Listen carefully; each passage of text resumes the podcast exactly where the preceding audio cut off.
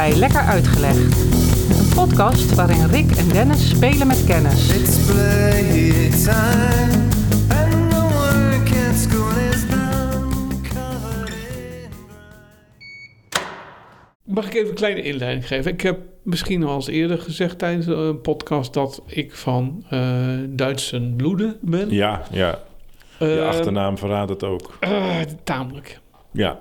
En mijn eh, vader is eh, van oorsprong Duits, of was, hij leeft niet meer, maar hij was van oorsprong Duits. En eh, hij is geboren vlak voor de Tweede Wereldoorlog. En waar? Kroos-Gerau, dat ligt in de buurt van Frankfurt am Main. Dus het, het Frankfurt bij de Rijn. Mijn, Ja. mijn, mijn Rijn is, Ja. het is meestal de aanduiding. En, ligt ten zuiden van kilometer Oké. 30. Eh, Darmstadt ligt in de buurt. Mhm. Mainz. In die driehoek moet je doen. Darmstad, dat was volgens mij ehm, de zusterstad van mijn geboortedorp. Meen je niet. Dat meen ik, joh. Want ik kan mij herinneren dat mijn ouders... die zaten op handbal... en die hadden dus met de handbalvereniging... volgens mij een uitwisselingsprogramma... met de handbalvereniging in Darmstad. En dan werd er... eh, elk jaar werd daar een toernooi of een wedstrijd... of één keer in de zoveel jaar. Ah, Dus Darmstad is volgens mij eh, de zusterstad van Ursem, de, dorp waar ik geboren Ja. ben.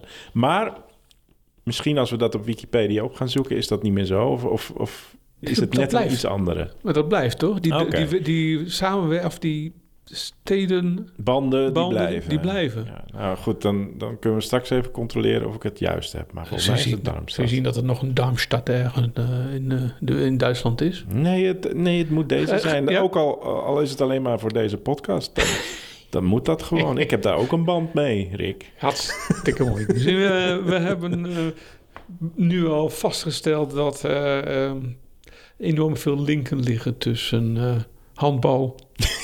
Darmstad en de dood. Juist, ja. Klinkt als het begin van een, van, een, een titel van een boek of zo. Ja, En eh, mijn vader, ik eh, kwam... Toen hij overleden was, kwam ik natuurlijk een hoop spullen van hem van persoonlijke aard tegen. Zoals ook zijn eh, geboortebewijs. Ik Ja. weet helemaal niet of ik dat nog heb eigenlijk. Geboortebewijs. nee, ik zou Bestaat dat ook niet kunnen. Nou, In ieder geval van mijn vader aan. Er staat dus nog gewoon een. Ha- handgeschreven geboortebewijs. Ja, dat ook. Wel ge- getypt zoals het ging in de jaren 30. Maar wat eh, denk je dat erop staat? Een hakenkruis. Ik heb dus iets in? Ja, ik heb in huis, in huis bij ons thuis liggen eh, documenten met hakenkruisen erop. Dus En de naam van je de vader. naam van mijn vader, van mijn opa, waar we het zo meteen over gaan ja, want wat, was, nou- wat zei je ook weer? Wat was zijn geboortejaar? 38, 1938. 38. Ja, nee, dan eh, zitten we toch wel aardig in de, We hebben net de kristalnacht de gehad eigenlijk. Ja, En mijn vader eh, werd dus in, eh, in, in een Duitsland op, eh, eh, eh, geboren en op, groeide op in een Duitsland dat zich opmaakte voor een Ja. eh, behoorlijk eh, moordende tijd van zeven jaar. Dus hij was zeven toen, eh, toen de oorlog eindigde. En ehm, hij eh, had eh, eh, twee broers en een zus. Dus eh, alle werk aan de winkel voor mijn eh, oma. ja. En mijn opa, zijn vader, mijn vaders vader dus, die heet eh, Georg. Ik ben ook vernoemd naar hem. Mijn tweede geboortenaam is Georg. Mhm. En ik heb sinds ik mij bewust ben, want ik ben pas weer 20 jaar na, ruim 20 jaar na de, het einde van de oorlog geboren. Dus die, die eerste opbouwtijd van Duitsland, dat weet ik natuurlijk alleen maar uit de verhalen. ja. Maar eh, zoals dat eh, nog in de jaren 67 en 70 ging, werd eh, Duitsland vanuit Nederlands perspectief nog, nog gezien als eh, het land van de moffen. En ik ben zelfs zelf mof genoemd als kind. ja. Daar zat een haat diep in de buurt waar ik woonde. In, volgens mij wisten die kinderen die, die die woorden gebruikten als mof helemaal niet wat het betekende. Mhm. Hadden ze dat gewoon gehoord van hun ouders. Mijn vader had dus wel het lef om in de loop van de jaren 50 zijn geboortestreek te verlaten. In de zin dat hij op zijn eh, brommetje, er zijn wel foto's van, dat vind ik wel leuk om te zien, van die oude brommers, Mhm. reed hij mee naar... eh, Simpson Schwalbe? Nee, dat is Oost-Duitsland. Man, merk weet ik niet. Daar zeg je zoiets. Daar reed hij mee eh, door de streek waar hij woonde, Mhm. waar hij geboren was. Maar hij reisde ook op zijn brommetje naar eh, Nederland, naar de kust. Oké. Uh, kuilengraven, denk ik. Nee. Volgens jouw buren vroeger wel. Waarschijnlijk. wel. Ja, ja, ja. En in de loop van eh, de jaren negen- eind jaren 50, 59, 60, eh, hebben mijn ouders elkaar ontmoet. We zijn vervolgens getrouwd. Ik kwam op de wereld en hij kwam naar Nederland Om te leven. om te wonen en Ja. om eh, mij op de wereld te zetten en mijn broer. Maar wij kwamen dus vervolgens wel regelmatig in Duitsland terug. Ja. We gingen mijn, naar mijn oma toe, naar mijn ooms en tantes. En ik heb mij altijd bijzonder thuis gevoeld. Mhm. Maar nu gaan we richting het onderwerp van vandaag. Want het is even een inleiding Ja, nee, om duidelijk te maken van... er is een Duitse familie. de scene is set. Ja. We, we hebben wat eh, broers en een zus van mijn eh, vader. En wij zijn de enigen die uit die streek zijn vertrokken. ja, dus de rest van de familie is daar nog. Op, de- dus op begin jaren 70 Ja. eh, woont mijn oma, die woont in Groos-Gerau. Ja. En de rest woont in, in, in eh, Nierstein am Rijn. En nog een paar van die plekken waar eh, ze zijn een beetje uitgevlogen. En, en wat, wat, wat voor onderwerp levert dat dan op? Nou, wij kwamen in die tijd regelmatig dus in Duitsland. En dan hadden wij ook niet alleen familie, maar ook vrienden van mijn vader. Die nog uit, uit de naoorlogstijd, eh, klasgenootjes. En op een gegeven moment kreeg ik door, er doet een gerucht de ronde in de familie. Mhm. En dat gerucht heeft ermee te maken dat mijn opa, Mhm. mm, waarvan ik dus Georg? de, Georg, de naam, Georg Roeland, niet dood zou zijn. Om een liedje van eh, Rob de Nijs, hij is niet dood, te citeren. Hij is niet dood, hij leeft. Dat was eh, ongetwijfeld een geweldige hit, maar ik kan niet meezingen, Rick. Maar, maar ik zit nog even te verwerken wat je daarvoor zegt. Ehm, Georg, wanneer zou die zijn overleden? Wat is, Precies. wat is het verhaal Goeie bij zijn overlijden? Goeie vraag. Eh, mm, als je nagaat dat mijn vader dus uit 38 is, dan Ja. is mijn opa rond die tijd al rond de 20, Ja. 25 Ja. of zo. Ik bedoel, de meeste gezinnen werden eh, door eh, ouders gestart ergens na hun tienerjaren, meestal aan het begin van hun 20 jaar. Dus mijn opa die was 20. Maar die zat dus ook onder de verplichting om in dienst te gaan. Mhm. Dus hij moest bijdragen aan de oorlog. Zo'n beetje eh, iedereen, eh, zeker naar het einde toe, eh, krijg je zelfs dat kinderen worden opgeroepen Ja. om mee te strijden. Ja. En mijn opa die werkte, ik weet eigenlijk niet wat hij wat hij werkte, maar die, die werkte wel mee aan de verdediging van het land. Want wat was hij? Ik moet er altijd een klein beetje om lachen. Hij behoorde tot de fietsbrigade. En hij is op een dag, volgens de berichten, tijdens een bombardement is zijn fietsbrigade, dat bestaat dan uit een aantal mannen met een eh, geweer op de rug, ja. schijnt hij bebombardeerd te zijn, geweest en eh, het leven te hebben gelaten. Dat is het verhaal. Dus officieel. hij heeft de oorlog niet overleefd, Dat is het verhaal officieel. officieel. Oké, maar nu Dus, de geruchten. Maar nu de geruchten. Wat wil nou? Ergens in de jaren 70 hoorde ik, ook van mijn moeder en wat minder van mijn vader, hoorde ik af en toe een verhaal dat er iemand rondliep, waar wij ook af en toe mee contact mee hadden. Mhm. Eh, ik zal hem toch maar bij zijn naam noemen, want makkelijk om het beestje een naam te geven. Roger, Roger, dat was een huisvriend. Roger heette die geloof ik eigenlijk op zijn Duits. Ja. Dat was het soort van iemand waar wij wel, ja, huisvriend. Het was iemand die, waar wij wel eens kwamen. Ja. En wat, wat gerucht was er nou? Roger zou de zoon van mijn opa zijn. Dus een broer van je vader of een halfbroer. Een halfbroer. Ja, ja. Want, wat zou dan het gerucht zijn? Mijn opa zou na de oorlog gewoon ge- zich hebben eh, gedrukt. Mhm. En is uiteindelijk niet terug naar zijn eigenlijke vrouw, mijn Gedrukt oma. was gedeserteerd of Ja, gewoon ja. eh, ze- eh, zeg maar van ik laat mijn leven achter me, ik begin opnieuw. Beide. ja, Misschien heeft hij wel eh, gedeserteerd en is hij helemaal niet opgeblazen door een bombardement. Nee. Is hij in de loop van de oorlog ook tot de inzicht gekomen van nou, deze oorlog gaan we niet winnen. Nee, maar ik wil ook niet. Er was een hoop schaamte, om dat misschien ook even goed te zeggen. Ik weet van het huis waar mijn oma, mijn Duitse oma woonde, dat daar in ieder geval iemand in de kelder heeft gezeten. Maandenlang aan het einde van de oorlog. Die was wel gedeserteerd, Mhm. maar die durfde dus niet naar buiten te komen, want die voor schaamde zich. represailles? Of... Dat, maar Ja. ook schaamte, heb ik later begrepen, voor het feit dat hij meegedaan heeft aan een oorlog waar hij helemaal niet achter stond. Er zijn Ja. een heleboel mensen die in de Tweede Wereldoorlog achter Hitler stonden en Ja. achter de nazi's. Maar er waren ook een hoop meelopers. En er waren ook een hoop mensen, een soort opportunisten... of mensen die, dachten van... ja, als ik niet meedoe, dan- leg ik het Ja, loodje. ja. Nou, zo eentje heeft er in het huis van mijn oma. Ik heb die kelder ook gezien. Ik kon het nog helemaal voorstellen. Maar wekflessen op. eh, dus die man heeft daar maandenlang, zonder dat iemand het wist, is hij naar binnen gekropen en had zoiets van: als Oh, die heeft over... zichzelf daar verschanst. Ja. Oh. Ja. Heeft mijn opa ook zoiets gedaan? Is die ergens weggekropen? Weten we niet. Nee. Het verhaal van Roker, mogelijk de halfbroer van mijn vader, is ook gerucht verhaal. En wie verspreidde dat geruchtverhaal? Ja, zoals dat dan gaat. Men De wandelgangen. De wandelgangen. Ja. Maar ik, ik ga er niet vanuit dat dat een, eh, een gerucht is dat iedere kerst, eh, iedere waainacht besproken werd. Dus Nee. dat zal een beetje mondjesmaat Ja. ter oren gekomen zijn. Klopt. Heb jij ooit iemand ter verantwoording geroepen over dat gerucht? Nee, maar nu maken we een leuke sprong, want je brengt meteen een brug aan. Ehm, ik ben wel na, wanneer was dat? Eind vorige eeuw, zo begin deze eeuw, ben ik begonnen met het eh, toch eens bij vragen gaan stellen. Ja, je bent zelf, eh, de familie is langs gegaan. Ja. En ehm, ik vind mijn Nederlandse familie in die zin mooi, niet zo heel boeiend. Maar ja, een familie waarin de oorlog een rol speelt. Een Duitse familie. Het is eh, een hysterisch, of hysterisch, historisch. Nou ja, misschien wordt het hysterisch. Misschien. Nee, maar historisch is natuurlijk buitengewoon interessant. En het is een beetje een detective eh, opdracht. Dat, dat was het in die zin ook, ja. Ik, ik heb het hele verhaal van Roger en mijn opa in die zin, nou ja, wel serieus genomen, want ik ben aan de slag gegaan. En we hebben het eh, vandaag dan ook over een onderwerp waar, eh, waar, waar, de, waar we de kop aan geven. En ik denk, denk dat je het woord wel eens gehoord hebt. eh, pseudocide, fake, dood.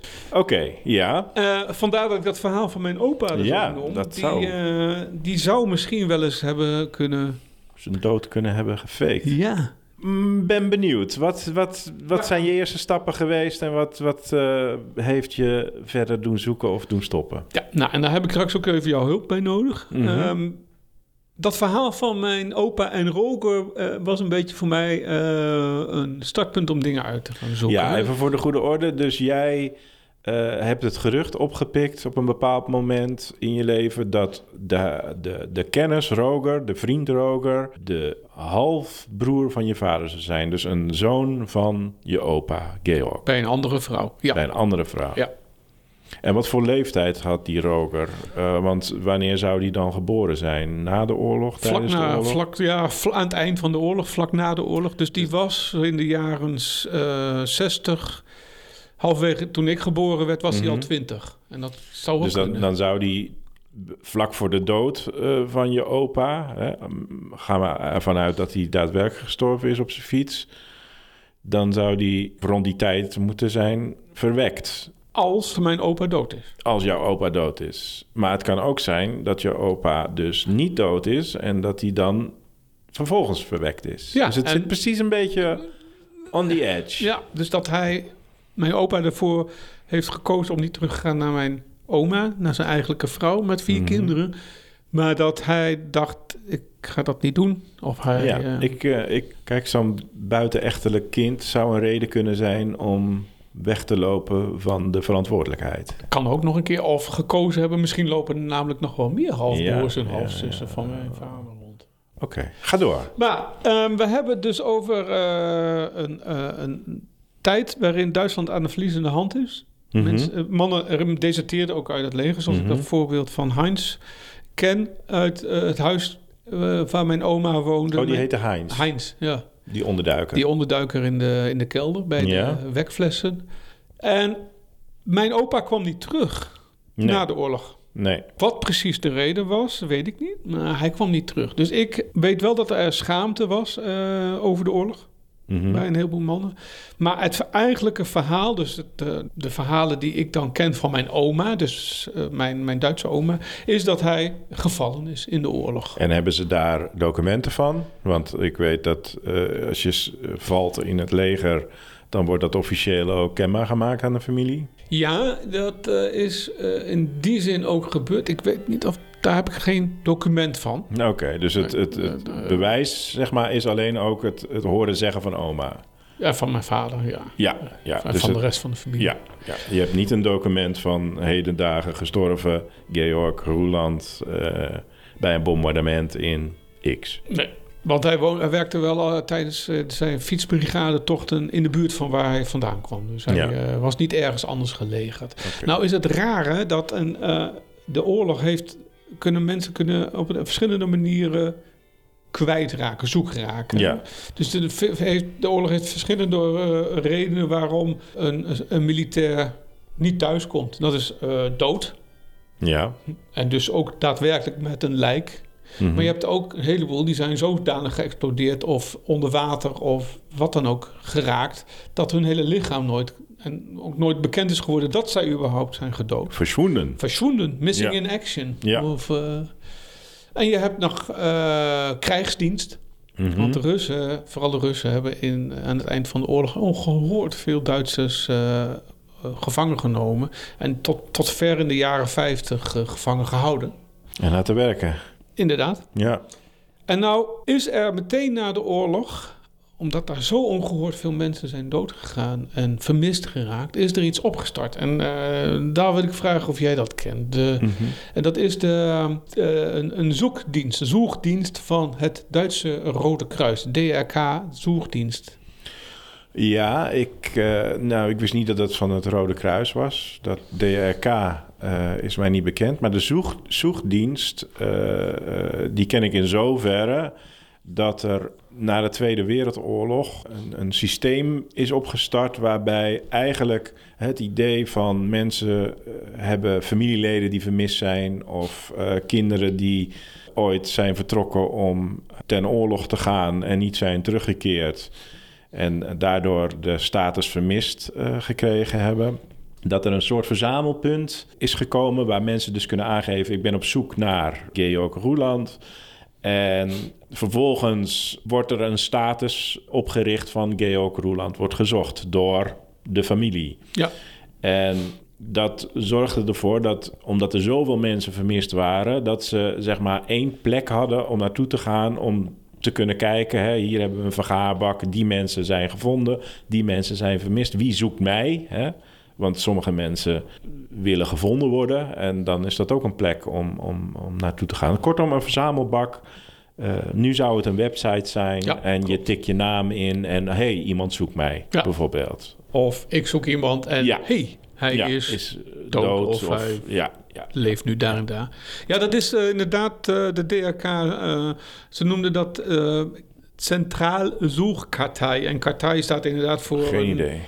Kaart- kaarten waarop eh, informatie staat. Ja, oké, ja. Ja, dus dat is wat men eh, inderdaad, dat is wat men na de Tweede Wereldoorlog heeft opgestart. Ook omdat heel veel mensen terugkwamen uit eh, gebieden waar men destijds gelegerd waren, soldaten met Ja. name, die dan terugkwamen met de trein. En in het begin stonden mensen op het perron ja als en- er weer een trein kwam, ja.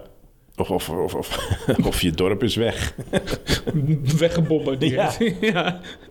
Moet toch maar eens kijken waar ik terecht kan.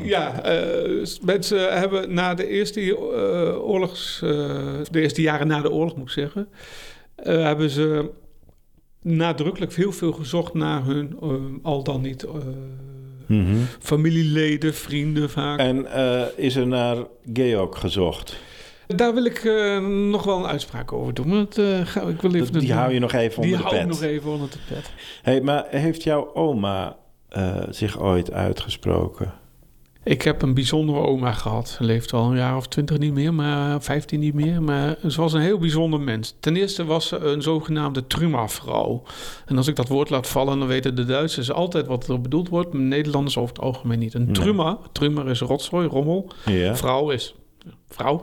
En Truma-vrouwen, dat waren... Het is ook een beetje een legende, een beetje mythevorming. Maar dat waren de vrouwen die na de oorlog... terwijl hun man eh, gevallen was of niet meer terugkwam... Ja. De vrouwen, dat waren de, de vrouwen die eh, weer gingen bouwen. Die, Ja. de, die de stenen gingen rapen en eh, zorgden dat er weer huizen kwamen. De wederopbouw de op, weder- eh, op. Ja, maar feitelijk echt huizen bouwen. De wederopbouw zoals wij dat noemen. Later was ook het economische verhaal. ja, Maar eerst na de oorlog moesten gewoon... stenen bikken Ja. en, en weer opnieuw eh, opstapelen. Ja. En Trummervrouw, zo eentje was... Mijn oma doet, doet het verhaal. Mijn oma had vier kinderen. Mhm. Eh, in, de, in de jonge leeftijden van... eh, aan het eind van de oorlog was mijn vader zeven. Zijn broer denk ik negen. En zijn andere twee waren iets jonger. Dus die waren tussen de eh, zeven en vier, denk ik. Mhm. Dus die had niet alleen de zorg voor haar kinderen... Mhm. maar ze moest ook zorgen dat er dus eten kwam. Ja. Wat ook een probleem was. En er was eigenlijk geen huis. Er was eigenlijk gewoon alles was plat gebombardeerd. Waar mijn vader opgroeide was het ook een eh, knooppunt. Het was niet ver van Frankfurt, wat sowieso Mhm. al een knooppunt was met rivieren, vlieg, eh, vliegveld eh, en treinen. ja. En dat was Groos-Gerau in zekere zin ook. Dat Mhm. was een beetje zo'n gateway naar het zuiden. Ja. Maar goed, dit maakt haar nog niet een vreemde vrouw. Nee. Heeft zich is- ook dus niet, dat wil ik zeggen, ze hebben zich ook niet lang bij, ze zijn niet lang bij stil blijven staan. Wat er met een man was gebeurd. Hij kwam niet terug. We moesten verder. Eh, ja, de, de, de mouwen opstropen Precies. en we gaan, eh, we gaan doorpakken. Ja. En, eh, Oké, maar dat maakt haar nog steeds niet een vreemde vrouw of, of raar of iets. Nee, maar er werd niet gesproken. Nee, Er was een nee, groot nee, zwijgen in de Ja, familie. We de hebben deksel ging op de put. Ik heb zo de- vaak de oorlog willen aansnijden. Gewoon uit Mhm. interesse van wat is er toen gebeurd en hoe kon dat? Don't mention the war. Ja, precies. Dat was echt in Duitsland ook. ehm, eh, de oorlog was voorbij Ja, en daar wordt niet meer over gepraat. en dan moest het ook maar voorbij zijn. Ja. Ja. ik heb het nog steeds niet met mijn Duitse familie over de oorlog. Ook al zijn we nu 70, ta- eh, 75, wat is het? Maar wel een hele begrijpelijke eh, reflex, denk ik. Ja, eh, dat is het verhaal enerzijds van mijn familie. Maar toen ben ik, eh, van mijn opa dus ook Ja. met name. En toen ben ik eens gaan duiken in ehm, het verschijnsel pseudocide.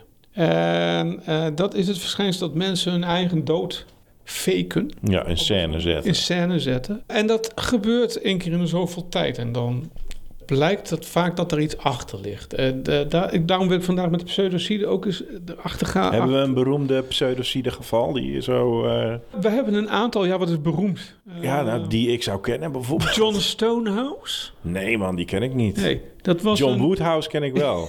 ken je die? Ja, die ken ik ook. Is die al dood? Ik denk het wel. Daar doen we een 2 voor 12 hierbij. Zoeken we op. John Woodhouse, man. John Woodhouse. John eh, Stonehouse was een, eh, een Britse politicus. Eh, Die zat in de wat, wat zakenwereldje ook. En die heeft in november 1974 zijn eigen zelfmoord... want dat is het, hè. Je, je, soms dan is het ook een soort zelfmoordverhaal... Mhm. die je faked. Want je bent er niet meer, maar dat moet je dus in gang zetten. Mhm. Die heeft zijn eigen zelfmoord in scène gezet. Kan je nou een zelfmoord in scène nou, dat is het. als- Ja, ja, Als, gaat- er, als er geen lijk is. Nee, dan? precies. Nou, dat, nou, je noemt hier iets heel belangrijks. Van, eh, dat is bij hem dus ook zo. Hij heeft een Een stapeltje... leeg touw ophangen. nee, nee, hij heeft een stapeltje kleer op het strand neergelegd. Oh ja, ja, ja, ja. Oh ja, die kajakkers ken ik ook. Ja, ga door. ja, ga door. jij hebt... Ja, nou, dat is een andere, die heet Ja. eh, John Darwin. ja. Dat was een kajakker die ja, verdween. die- dat verhaal ken dat ik ken je wel, ja, ja. ja, Nee, Ja. het zijn er wel een paar. En hij heeft dus op de strand zijn kleren neergelegd en eh, was gaan zwemmen, Ja, soort van. ja, dus. dat is inderdaad een slimme manier, ja. Dat is een van de veel, eh, voor, veel voorkomende manieren waarop mensen hun eh, nepdood, om Ja. het Nederlands woord maar eens even te gebruiken, Ja. in scène zetten. En hij is uiteindelijk is hij naar Australië gevlucht. Hij was Brits en eh, hij is dus naar Australië. Maar hij is na een tijdje in Australië bij de kladden gepakt doordat hij zijn geld wat hij aan het verschuiven was, Mhm. door een bankier werd opgenomen, door een man die eh, geld eh, regelde. Hij is eh, vervolgens is, is hij geïdentificeerd als zijnde inderdaad John John Stonehouse. Stonehouse. Ja, jij noemde hem al even. Ja, die- John Darwin. Ja, ik weet niet meer precies het verhaal, maar Was dat ook diegene? Want ik ken twee verhalen. Eentje met zijn vrouw samen. Die is het. Die is het? Ja. Nou, ver- vertel maar, want ik, ik, ik heb hem niet helemaal Nou, scherp. je hebt een groot deel al gezegd. Hij is inderdaad verdwenen. En, eh, Zijn eh, vrouw, ja, zijn vrouw, eh, hij zou zogenaamd, want zijn vrouw werkte mee in het complot. Klopt. En klopt. die eh, eh, verklaarde dat ze met z'n tweeën weggevaren zijn. En dat hij, nou ja, waarschijnlijk omgeslagen of weet ik veel wat, maar in ieder geval niet teruggekeerd is. Wel nog de, de kano, geloof ik, gevonden Ja. uiteindelijk. Ja. En zij is gaan doorleven, maar ze zijn tegen de lamp gelopen omdat ze contact bleven houden. En via haar, ze, ze- ik geloof dat de politie al vrij snel het idee had van dit stinkt een beetje, hebben ze ontdekt dat zij dus eh, met iemand anders contact had, maar dat bleek dus uiteindelijk haar echtgenoot te zijn. Ja, het zijn, Ja. We hebben het hier over John en Anne Darwin. En je vertelt eigenlijk het verhaal in het eh, helemaal eh, compleet. Het was in 2002 dat eh, hij in zijn kano, kano, kano, kano is eh, vertrokken. En zijn kano werd later eh, kapot. En, en helemaal, Ja. naar de, daar kon je niks meer mee. Nee. Dus dat is een, iets, iets bekender. En hij werd doodverklaard. En zijn vrouw heeft vervolgens het geld van Ja. de levensverzekering Ja, tuurlijk. geïnd. Dat zou ik ook doen. Een nieuwe kano gekocht. Dus die, dat is een bekend geval. Lord Lucan. Nee, dat, is, dat moet ik weer eh, niet thuisgeven. Oh, nee. Dus Goed verhaal. Hetzelfde verhaal als eh, John Stonehouse. Ook 74, 1974. Dat is een goed jaar om Dat was een eh, goed dood jaar, te steken, man. ik ben een jaar daarvoor geboren. Maar dat, dat, dat, dat heeft, er niks mee te maken. nee. Maar goed, ik was er wel bij, zeg maar. Ik heb het meegemaakt dat jaar. Het was een good year voor de fake death. It was, it was. En Lord Lucan heeft ook geprobeerd. Eh, zijn, trouwens, eerst zijn, eh, heeft eerst zijn vrouw, de familie Nanny gedood. Vervolgens heeft hij zijn vrouw proberen te doden. Proberen. Ja, het is niet gelukt. Hm, Mijn oma heeft dus geprobeerd haar kat te doden. Dat is ook niet gelukt. is ook niet. Nee, gelukkig niet. Wat een sneu verhaal, denk ik tussendoor. Ja, nee, die, eh, die kat die had vlooien. En mijn, mijn oma en mijn opa, dat waren een beetje van die keuterboertjes. Eh, die, die hadden altijd dieren om het huis. Dat was nog in een tijd, daar was de filosofie... als het beest niet, niet langer dienst deed... Dan, en, hij, dan, en hij kon in, in de pan, dan was dat de optie. En anders weg ermee. En er werd ook gewoon geslacht aan huis en eh, kippen hadden ze, geitjes, allemaal van dat spul. Dus toen oma eenmaal oud was en eh, in een bejaardenwoning zat en merkte dat de kat vlooien had, was haar eerste reflex, nou weg met dat beest. Dat, ik moet die vlooien niet. Dus zij heeft eh, drie keer een poging gedaan de kat om te brengen. Eerste poging. En, oh nee, ja, maar goed, we, dit, dit slaat, we gaan wel heel erg ver weg. Maar eh, zij, ik moet ook vertellen dat zij een beroerte gehad had en niet zoveel kracht meer had in de rechterhand. En dat is wel belangrijk voor het overleven van de kat, want ze heeft geprobeerd de nek om te draaien. Dat lukte niet, de kat was sterker. Vervolgens heeft ze geprobeerd om met een broodmes de nek, de nek af te snijden. Dat is ook niet gelukt, want de kracht in de hand was niet voldoende sterk om, zeg maar... het beest was niet scherp genoeg. Nou ja, want het beestje had wel eh, een snijwond in de nek, maar niet ver genoeg. Eh, dat had ze gedaan. En de laatste poging, en eh, ze vertelde het mij vol trots en jammer dat het niet gelukt was, was met de hamer. Ze heeft hem ook geprobeerd de, de kop in te slaan met een hamer. Maar het beestje was te snel en ze had in plaats van op het beestje, had ze op de wa- wasmachine ge- eh, geslagen. Want ze had het beestje vast op de wasmachine. Nou, heel treurig en tragisch. En Ja, ze- er wel op, het is echt is triest. ja, ze zat dat doodleuk, zat ze dat te vertellen. En ik zat, oma, dat kan toch niet? Ja, nou waarom? Hè, dat beestje. En ik zeg, nou oma, ik zeg, waar is, waar is dat beestje? Nou, buiten. Ik dat beest moet niet meer binnen. Ik zeg, nou... eh, dus ik een vriend gebeld en het verhaal verteld van... nou, mijn oma die heeft een kat en drie pogingen om dat beest te vermoorden. En die had het met zijn moeder eh, weer overlegd. En die had van, nou, breng dat beestje maar hier, want eh, dat is zo zielig. Dus wij gingen, eh, die kat gingen, we- gingen we proberen te vangen. Nou, en oma die doet de deur open, schoteltje melk. Ze roept twee keer en dat beestje, dat komt gewoon weer keihard aanrennen. naar de potentiële moordenaar. Nou, toen hebben we er gepakt en... eh, ik geloof dat, dat de kat nog acht jaar in volle gezondheid eh, en volle Bij je oma. tevredenheid geleefd heeft. Nee, bij, bij, bij die maat van Oh. mij, bij, die- bij eh, die ouders. Eh, wij hadden het over John Darwin. John Stone uit Lord Lucan was ook zo iemand. Die heeft over manieren waarop je dus je laatste levenstekens weggeeft. Hè? Je had, Stonehouse had zijn kleren op het strand Ja. gelegd. Darwin had een, John Darwin had een eh gerekt, hoe noem je dat? Kano. Kano was helemaal in uh, stukken. Ehm, Lord Lucan, eigenlijk gaande bij de naam Richard Bingham, de zevende Earl of Lucan, is in 74 eh, ergens heen gereden en ze hebben eh, zijn auto gevonden eh, op, aan de kust bij New Haven. En sommigen dachten dat hij dus inderdaad zelfmoord had gepleegd, omdat hij die nanny had Ja, gedood. ja. En anderen denken dat hij eh, onschuldig is en dat hij gewoon eh, daarom eh, wil, hij wilde gewoon geen last meer hebben met iedereen, dat hij daarom verdwenen is. Hmm. Uiteindelijk is hij niet gepakt. Men vermoedt, er zijn sightings, zoals dat ik zo'n Ja, mooi woord vind in het. Engels, van hem in onder andere Zuid-Afrika en Nieuw-Zeeland. Ja, goed. Nou, die sightings die neem ik niet zo heel erg serieus. Nee, nou ja. Maar goed, een goed verhaal. Lord Lucas, cheerio. ja. Het gekke is, denk je dat pseudocide strafbaar is? Ja, maar dat zal wel niet. Nee. Want je zegt het gekke is. Ja. Het is niet strafbaar aan zich. Ik bedoel, je mag je eigen Nee, oké, maar eh, kijk, zoals die, die Kanoer, die heeft natuurlijk de, de uitkering, eh, de verzekering opgelicht. Dus Ja. dat is wel een strafbaar feit Dat als dat aan het licht strafbaar. komt. Ja, precies. Ja. Maar het is niet strafbaar om, eh, om te verdwijnen en te Nee. doen alsof je dood bent. Nee, nee. Nou ja, dat is in, vaak in, eh, in vermissingszaken. ik luister veel naar eh, die Amerikaanse true crime podcasts. Eh, daar zijn iedere keer als er een vermissingszaak eh, aan de orde is... Hè, dan is er aan de ene kant een familie die zegt van... jongens, dit klopt niet. Diegene is vermist en dat is abnormaal. Die meldt zich anders honderd keer per dag via sms of wat dan ook... en behoren al tien uur niks, er is iets mis. Eh, waarbij altijd de politie en de autoriteiten zeggen van... ja, maar hè, volwassen persoon... Ja. En eh, wie weet eh, kiezen ze er zelf voor. Dus die, hebben, die wachten dan echt totdat er een bewijs is dat er iets misschien niet in de haak is. En tot die tijd ja, gaan ze toch ook wel uit van het principe van iedereen heeft het recht om te verdwijnen. Dus waarom zouden wij gaan zoeken? Zit er wat in, vind jij?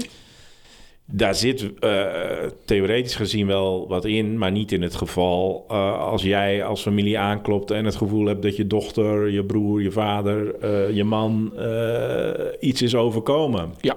Dus nee, dat verhaal heeft twee kanten. Maar, Ja.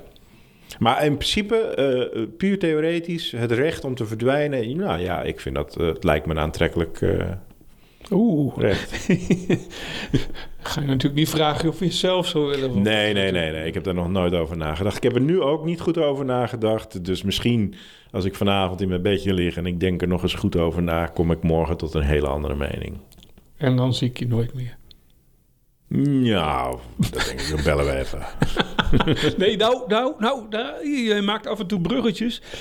Dat is dus een van de grootste fouten die maken, mensen maken. Dat als ze hun eigen dood in scène zetten, dat ze vervolgens niet in staat zijn om hun oude leven daadwerkelijk Ja. vaarwel te zeggen. Ja, En daar gaat het ook vaak mis. Tegenwoordig, wij zijn in de digitale tijd aangekomen, hebben wij op zoveel plekken traces, sporen. ja. Wij Ja. hebben onze sociale media, we hebben onze e-mail, we hebben onze. We regelen van alles. bankpasjes. Banken, inderdaad. De laatste 25 jaar, zeg maar zo, zo sinds de jaren 90, is dat eigenlijk de manier om sporen achter te laten. Ja. Als je iets niet moet doen als je wilt verdwijnen, is het logischerwijs sporen achterlaten. Ja, laat je mobieltje thuis. Ja, absoluut. je moet echt onder de radar blijven. Dan is Ja. het mogelijk. Maar het is tegenwoordig dus veel moeilijker dan zeg 100 jaar Ja, geleden. absoluut. Dus en als het over 100 jaar geleden, nou ja, of 80 jaar geleden, dan komen we bij mijn opa. Mhm. Even, wat denk ik nu uiteindelijk? Mhm. Heeft, hij het, eh, heeft hij het gedaan? Heeft hij zijn eigen dood in scène gezet? Ja, Ik denk het niet. Ik denk dat Roger ook een soort van mooi verhaal was om in de familie te vertellen. Maar waarom denk je van niet? Ik heb uiteindelijk eh 15 jaar geleden om allerlei redenen een zoekaantraag gedaan. Een, een verzoek om informatie over mijn opa. Bij die zoekdienst. Ja, bij de zoekdienst. Ja. Bij de, ik heb er thuis brieven van. Ik heb de Centraal Zoekkartij eh, aangeschreven en verteld. Zo en zo, mijn opa met geboortedatum en laatst bekende plek. Eh, of daar uiteindelijk nog wat meer van bekend is. Ook wetende dat in de, in de familie daar niet zo'n behoefte was om daar nog in te duiken. Ook op 50, 60 jaar later na de oorlog. Nee, dus je moest de antwoorden buiten de familie gaan zoeken. Ja, overigens heb ik het nog wel met, mijn, met de enige nicht, eh, de dochter van mijn vaders jongste broer, heb ik daar nog wel over gehad. Die is nog wel opener in. Een lieve, lieve nicht. Die heb ik het verteld. Ja. Maar je hoeft er verder niet zoveel mee. En ik heb begrepen dat, eh, want dat vertellen ze ook, dat er één keer eerder iemand een zoekaantraag heeft Oh. gedaan. Kan je zien wie? Nee, Oh, wat jammer zeg. ja, dat is, boeit dus heel erg. Er is dus blijkbaar in daar familie- dan een privacyregel Ja. die dat eh Blijkbaar, ja. ja. Of ze kunnen het niet opzoeken, want ze houden het anoniem voor wat betreft Ja. die de aanvraag doet. En ik heb dus brieven teruggekregen dat het zo moet zijn dat mijn opa inderdaad gevallen is in de oorlog. hey, we gaan eh, een volgende keer weer met een nieuw onderwerp verder. Leuk. Ja, bedankt en tot, De volgende. tot de volgende. Lekker Uitgelegd is een podcast van Dennis Ai en Rick Roeland. Wil je geen uitleg missen? Abonneer je dan op Lekker Uitgelegd. Dat kan op Spotify, iTunes of in je favoriete podcast-app. Laat ook vooral een recensie achter. Dat vinden wij leuk en andere mensen kunnen ons dan sneller vinden. Lekker Uitgelegd is ook prima te volgen op Twitter, Facebook en Instagram. Wil je meer weten over deze aflevering? Kijk dan op lekkeruitgelegd.nl. En wil je reageren? Dat kan. Stuur dan een mailtje naar info@lekkeruitgelegd.nl. Tot over twee weken. Lekker uitgelegd is een klankmedia productie. En de muziek, die is van Kolbak.